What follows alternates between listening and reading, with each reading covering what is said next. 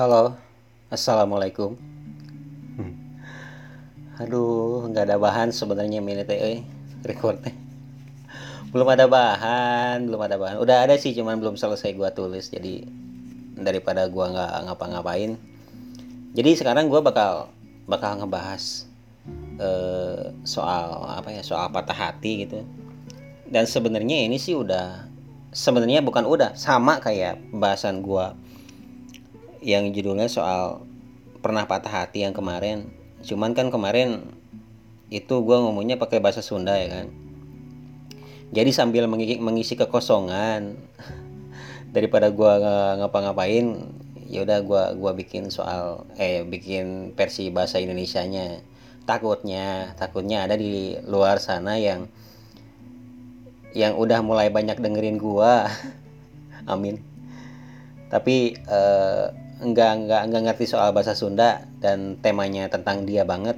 Jadi gue pikir ya udahlah nggak apa-apa lah gue gua gua apa ya gua rilis ulang dengan bahasa Indonesia versi bahasa Indonesia. Eh iya. Apa iya? Gue ngomong apa ngebahas uh, soal patah hati. Eh kayaknya banyak juga sih yang jadi penyebab orang bisa ngerasain patah hati. Bisa karena ekspektasi tentang sesuatu yang begitu indah, tapi harus terbantahkan oleh sikap atau kenyataan yang berbanding terbalik atau bertolak belakang dengan apa-apa yang orang itu ekspektasikan atau apa-apa yang udah dia bayangkan.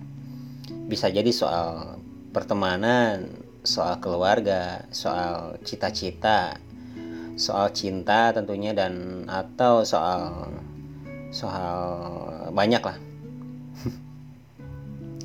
Tapi patah hati yang mau gue bahas sekarang adalah soal patah hati terhadap lawan jenis ya kan, soal soal terhadap cewek atau cowok, soal sesama jenis gue gua nggak tahu, jadi gue nggak bakal bahas ya soal patah hati terhadap cinta.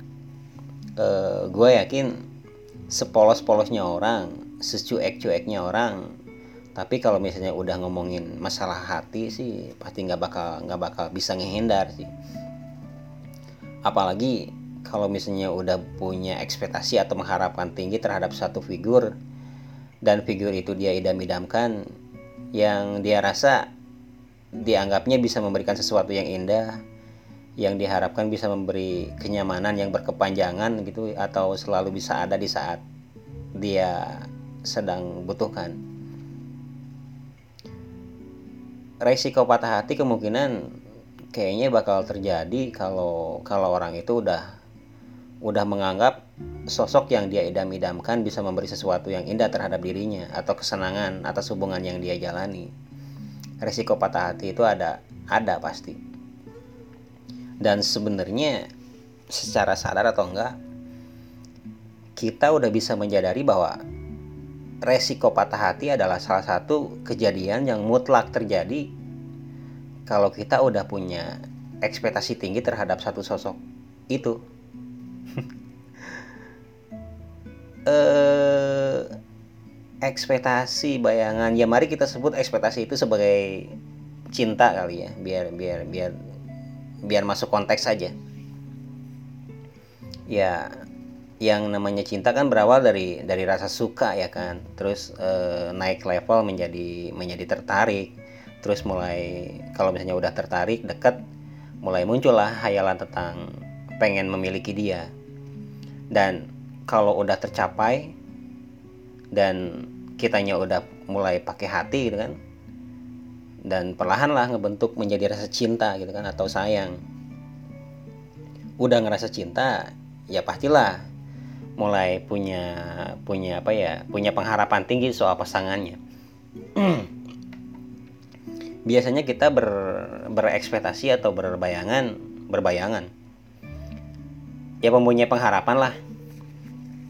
Pasangan atau pacar kita tuh bisa jadi seperti yang kita harapkan atau bisa jadi yang seperti yang kita inginkan gitu supaya jadi pasangan yang sempurna gitu kan buat kita nah ketika kita udah punya udah punya ekspektasi itu ya biasanya sih timbul sikap-sikap mengatur pasangan supaya supaya dia tuh menjadi menjadi seperti orang yang kita harapkan gitu. Padahal diakui atau enggak sih? Ekspektasi atau bayangan supaya pasangan kita menjadi sesuatu yang kita harapkan? Ya hampir mustahil terjadi sih. Dan resiko kecewa itu sebenarnya harus harus udah kita siap harus udah kita siap. Harus siap kita terima. Kalau ternyata pasangan kita nggak bisa nggak bisa sesempurna yang kita bayangkan tadi uh, kayaknya sih uh, kayak yang pernah gue udah bilang di podcast gue sebelumnya yang bucin dulu move on kemudian. Untuk ukuran umur-umur orang yang udah berumur 25 tahun ke atas kayak gua 27 28 atau 29 30 lah kayaknya bisa dengan cepat menemukan pelarian lain ketika ketika ternyata kita harus harus mengalami mer atau merasakan yang namanya patah hati sih. Kayaknya banyak aja pelariannya gitu. Dan gua ngerasa di umuran segitu kan kita udah udah terlalu terlalu banyak sih hal yang harus harus kita pentingkan atau harus kita prioritaskan daripada harus mikirin rasa patah hati yang lagi dirasain gitu. Banyak banyak banyak yang harus kita pikirin.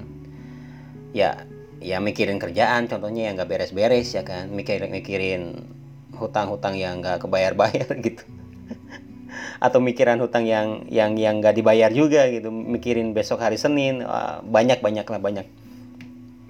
Ya ya pokoknya nggak ada nggak ada nggak ada slot kosong kayaknya di di otak kita buat buat mikirin soal soal perasaan patah hati gitu. Ya mungkin sebenarnya emang emang dipikirin cuman nggak terlalu dirasakan kayak gitu ya menurut gua sa, sa apa ya seenggak mau enggak maunya orang mikirin soal patah hati ya pasti sih hati mah tetap tetap ngerasain gitu kan. Ya maksud gua e, ketika kita berada dalam kondisi paling nyaman dalam hidup kita, tapi tiba-tiba harus teringat lagi pada kejadian atau momen di mana kita bisa bisa patah hati atau jadi patah hati dan kita terus memikir memikirkannya hati juga jadi pasti jadi down lagi kan. Jadi sedih lagi jadi kacau lagi. Ya karena kita terus memikirkannya gitu. Padahal ya kejadian itu kan udah udah udah berlalu juga. Mungkin pada saat itu kita sedang memikirkan ya kalau kita nggak bersikap bodoh dan bisa sedikit lebih pintar ya mungkin kita sedang baik-baik saja hari ini mungkin kita tak takkan pernah merasakan perasaan hati seperti ini. Tapi ya gimana lagi kan emang emang emang udah harus kayak gini. Eh, biasanya sih kita kepikiran hal-hal kayak gitu lagi atau bisa nggak sengaja mengulang memori-memori buruk itu ketika kita sedang berada dalam situasi capek sih atau lagi ngelamun gitu. Gue sih gitu makanya kalau lagi nggak ada kerjaan nih ya mending istighfar gitu ta bukan bukan malah ngehayal yang nggak nggak nggak nggak pugu gitu. Ya mending kalau cuman inget kenangan-kenangan buruk mah ya kan. Kalau misalnya lu malah jadi kesurupan gimana? Nggak nggak nggak jangan jangan. Jadi ya sebenarnya sih sah-sah aja kalau kalau kita nggak sengaja kembali teringat teringat lagi kenangan-kenangan buruk kita yang bikin kita sedih tapi yang harus kita lakukan yang harus kita lakuin adalah ya menjadikannya sebagai pelajaran sih jadi pelajaran agar kita selalu mencintai orang sewajarnya atau menyayangi menyayangi orang sewajarnya. Toda lah apa kalau misalnya hubungannya masih pacaran mah nggak nggak nggak nggak pasti ke pernikahan juga sih. Ya emang sih hubungan mah emang harus diperjuangkan sampai ke pernikahan gitu kan. Tapi kan ketika hubungan yang lagi lu jalanin udah mulai mentok di titik jenuh atau mulai rusak gara-gara ya mulai nggak sepaham sih atau mungkin ada emang orang apa emang ada campur tangan dari orang ketiga jadi buat apa capek-capek diperjuangkan gitu kan kalau misalnya udah nggak bisa diperjuangkan lagi nah biasanya sih rusaknya satu hubungan adalah ketika hilang kepercayaan dari salah satu orang di antara mereka. Kepercayaan bisa tumbuh kalau misalnya komunikasi di antara mereka ya lancar gitu. Nggak nggak terlalu sering juga nggak terlalu lebay gitu. Ya tapi kalau misalnya udah berkomunikasi dua-duanya saling mengerti gitu lah makanya komunikasi yang cuek sih atau yang jor-joran gitu atau yang yang yang segimana lo gitu basi apa bisa jadi penyebab hilangnya kepercayaan sih. Hilangnya kepercayaan bisa jadi penyebab tubuhnya rasa curiga. Terus-terusan curiga juga bisa jadi penyebab tumbuhnya pertengkaran. Pertengkaran bisa jadi tumbuhnya rasa tidak nyaman. Ya kalau misalnya udah nggak nyaman kan bisa jadi jenuh. Dan akhirnya hancurlah hubungan yang sedang kalian jalani gitu tapi tapi nih gue pikir rasa jenuh juga bisa jadi disebabkan oleh hubungan yang yang terlalu baik-baik saja kan? Yang apa ya yang yang terlalu datar gitu nggak ada nggak ada dramanya sih. Tapi kalau misalnya terlalu ngedrama juga nggak nggak baik juga. Tapi biasanya sih kalau udah berada dalam satu hubungan ya nggak mungkin selalu baik-baik aja sih. Apalagi kalau misalnya hubungannya hubungan-hubungan jarak jauh gitu LDR gitu kan pasti sih nggak nggak bakal nggak bakal apa nggak bakal selalu baik-baik aja gitu. Pasti rumit pasti rumit. Dan ngomongin soal hubungan hubungan nggak nggak lepas dari dari dari dari adanya perbedaan ya kan? Ya hubungan itu adalah satu kejadian atau satu peristiwa eh, di mana dua orang bersatu dan harus berusaha memadu padankan semua pikiran mereka supaya sejalan gitu kan? Karena kan ya isi otak sama isi hati isi, apa isi hati orang beda-beda kan? Jadi ketika mereka bertemu dan akhirnya menjalin suatu hubungan ya secara secara sadar atau enggak seiring berjalannya waktu mereka juga sedang berusaha mengeluarkan menyelaraskan atau menyatukan isi isi pikiran mereka yang berbeda kan? Jadi ya yang nggak mungkin juga sih kalau ada hubungan percintaan yang baik-baik saja gitu. Di antara di antara perbedaan itu pasti ada berantemnya lah. Ya awalnya karena mereka emang emang sedang berusaha menyatukan isi pikiran mereka yang masing-masing dari mereka berpendapat bahwa pikiran mereka lah yang paling benar. Itu kan biasanya penyebab awalnya pertengkaran. Mungkin ada beberapa dari kalian yang yang nggak ngerti soal omongan gue tadi dari awal sampai sekarang. Soalnya eh, apa ya gue lagi ngomongin masa-masa pacaran yang yang di masa-masa usia sekarang sih. E, maksudnya cara pacaran atau cara ya cara pacaran zaman remaja nggak nggak nggak bakal ada pikiran buat berusaha.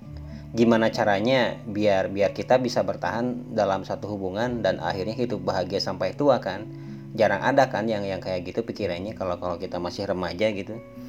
Barang-barang aja udah seneng kan jadi nggak mungkin kayaknya nggak mungkin deh um, mereka mikirin sampai gimana kita nikah gitu. Nggak nggak mungkin kayaknya. Nggak tahu juga gue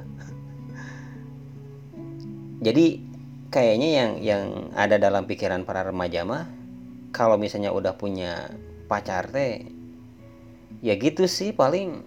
Gimana caranya supaya bisa ketemu pasti kan? Ya gimana caranya supaya bisa datang ke rumahnya tiap malam minggu? Gimana caranya supaya bisa apa ya bisa pamer gitu pamer pacar ke temen? Terus gimana caranya? Banyak lah pokoknya nggak nggak nggak jangka panjang pikiran-pikirannya kayak gitu para remaja biasanya. Gue juga kayak gitu sih. Dulu. Tapi sekarang beda sih beda lagi sekarang. Kalau umur umur udah umur 25 25 ke atas lah kayaknya beda. Eh gue juga nggak tahu masih ada nggak sih orang-orang yang seangkatan gua gitu yang mikirnya masih masih pendek gitu soal soal hubungan atau soal pacaran? Masih ada nggak sih? Gua gua gua juga nggak tahu sih dah gua mah nggak kayak gitu sekarang. Ada pacar juga belum punya. Nggak punya. Belum punya. Bukan enggak belum punya. Uh, dan harus diakui uh, gue yang sadar umur gue udah nggak nggak muda lagi gue udah nggak nggak punya slot pikiran yang aneh-aneh sih soal pacar.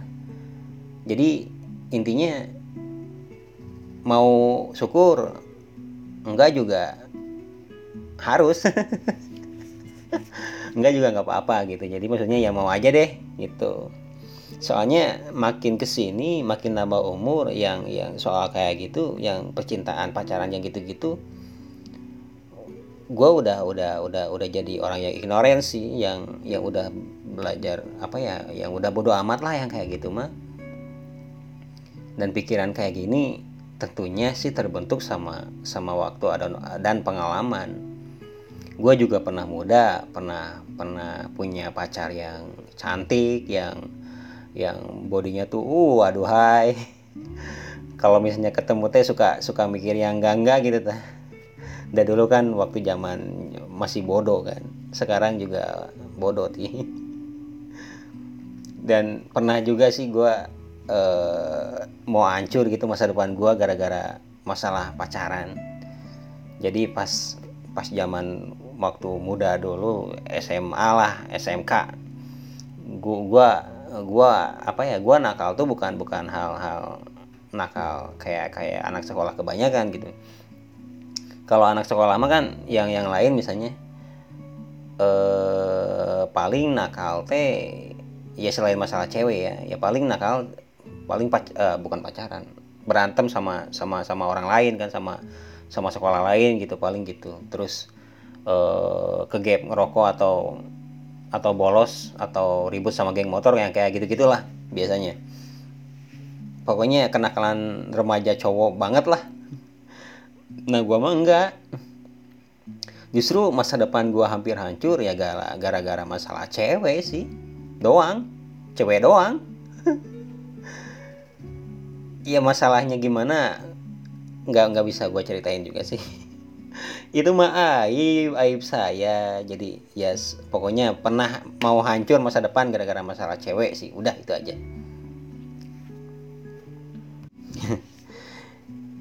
Ya gitu uh, ya pokoknya uh, kayaknya uh, ada juga sih yang pernah ngalamin kayak gini. Pernah dalam kondisi di ujung tanduk hanya karena kita pengen bertahan dengan seseorang seorang yang kita cintai. Padahal saat itu eh, gua atau lu atau kita juga masih dibiayai sama sama keluarga kan karena kan masih sekolah. Jadi kan ya gimana gimana kita bisa bertahan sama anak orang? Lah kita sendiri juga masih bergantung sama keluarga kan ya gitu se sealai itulah kita. Gua maksudnya lo nggak tahu. Dan dan nggak nggak terpungkiri sih kayaknya hampir semua remaja di usia usia usia nanggung kayak gitu pa, apa pikirannya atau cara pacarannya kayak gitu. Udah mau abis-abisan nih sampai mati-matian lah ngebelain cinta yang lagi diperjuangin ternyata takdir berkehendak lain kan nah di situlah eh, apa eh, mulai ngerasain patah hati kan. Eh, ya sampai umur kayak gini umur seki apa umur umur ya umur umur segini lah gua udah ngalamin segala macam penyakit penyakit hati maksudnya. Penyebab patah hati maksudnya kok penyakit sih? Gue udah melalui juga melalui juga ya maksudnya gue juga udah pernah melalui berbagai cara gimana caranya ngatasi supaya bisa lolos dari rasa frustasi ketika ketika gue sedang patah hati. Ya gue kan gue kan introvert ya kan? Gue saat itu gue lebih memilih buat diam di rumah sih. Berdiam diri di rumah mengurung diri dalam kamarnya. Ngapa? Ngabisin waktu buat diri sendiri sih kayak gitu. Ketika gua ngerasa patah hati pasti kayak gitu. Kalaupun enggak ya kalaupun gua nggak ngerasain patah hati ya yang namanya introvert kan pasti nggak nggak nggak sering keluar rumah ya kan? Ketika gua lagi galau atau lagi gimana pun ya gua lebih suka mendiamkan diri untuk memulihkan suasana hati sih. Pun ketika gua lagi ngerasain patah hati ketika gua apa ya berada dalam kondisi kayak gitu yang gue lakuin adalah waktu itu biasanya selain ya sambil mendiamkan diri di kamar kan di rumah gue kan eh, suka musik nih. Malah pernah jadi pernah apa pernah jadi anak band rentalan sih sepulang sekolah waktu itu. Jadi ketika gue mengalami satu fase di mana gue lagi patah hati gue lebih suka memberisikan isi kamar dengan dentuman suara musik keras sih. Musik keras musik keras ya bukan bukan musik yang keras keras tapi bener-bener musik keras gitu. Gue dari SD dari SD tepatnya dari SD sih gue udah mulai suka ker musik keras kayak kayak apa ya kayak Linkin Park gitu kayak Limp Bizkit atau Slipknot kayak gitu. Makanya makanya nih pas aduh sumpah pas kemarin 2016 2017 2016 kalau kalau nggak salah. Pas uh, Linkin Park ke apa si vokalisnya tuh meninggal karena bunuh diri wah man gua gua gua sedih pisan sih sumpah. Uh, ya jadi gitu balik lagi. Ketika gua ngerasa akan terangat sangat ampuh sih ketika ketika hati dilanda kegalauannya sangat meraja gitu. Terus telinga gua di apa ya diberisikin sama musik keras yang gua suka gitu. Ketika gue singelong sama lagunya gitu kan ikut nyanyi seiring lirik lagu yang terdengar gitu.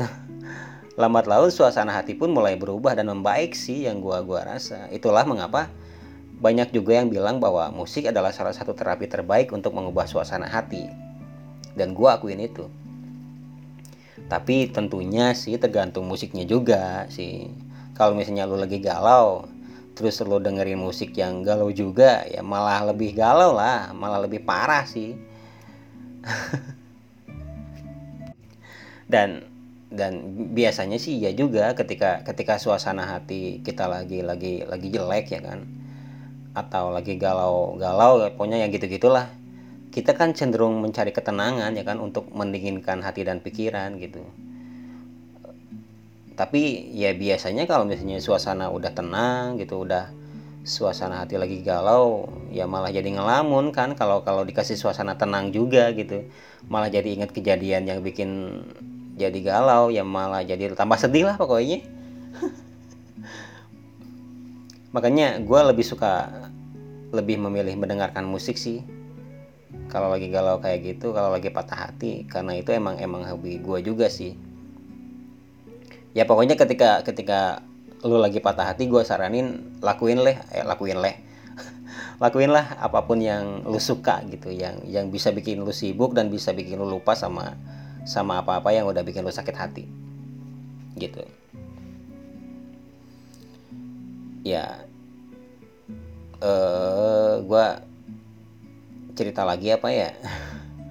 Soal pengalaman terakhir gue patah hati uh, sebenarnya nggak nggak nggak nggak perlu juga lah. Ngapain? Tapi yang mau gua tekankan adalah uh, ya ketika gua udah punya atau lo udah punya ekspektasi atau bayangan tinggi terhadap seseorang ya ya kita kan cenderung membayangkan masa depan yang sempurna kan bersama bersama seseorang itu gitu kan. Tapi ketika ekspektasi kita hancur dengan tiba-tiba yang bisa kita lakukan hanyalah ya menikmati rasa patah hati tanpa bisa menyalahkan siapa-siapa ya kan. Ya maksud gue ke, eh, dalam kondisi gue gue nggak bisa nyalahin mantan pasangan gue waktu itu. Ya ya gue nggak nggak bisa sepenuhnya nyalahin dia. Karena ya dia juga nggak bisa seperti yang gue bayangkan gitu kan. Ya tentu maksudnya eh, kadang ekspektasi yang kita bikin tuh bikin bikin bikin kita jadi buta atau atau lupa bahwa bahwa dia juga atau orang lain juga punya kehidupan yang masing-masing kan. Dia juga harus jadi dirinya sendiri dan tak harus memaksakan untuk menjadi apa yang kita mau yaitu terlepas dari bangsatnya mantan kita yang udah bikin kita sedih. Jadi kita juga mesti sadar ya kehidupan kita sama dia juga beda kan. Patah hati boleh tapi ya nggak nggak nggak harus atau nggak perlu sampai akal sehat kita juga ikut patah kan. Supaya nanti kita bisa bisa melihat sisi positif dari akibatnya gitu.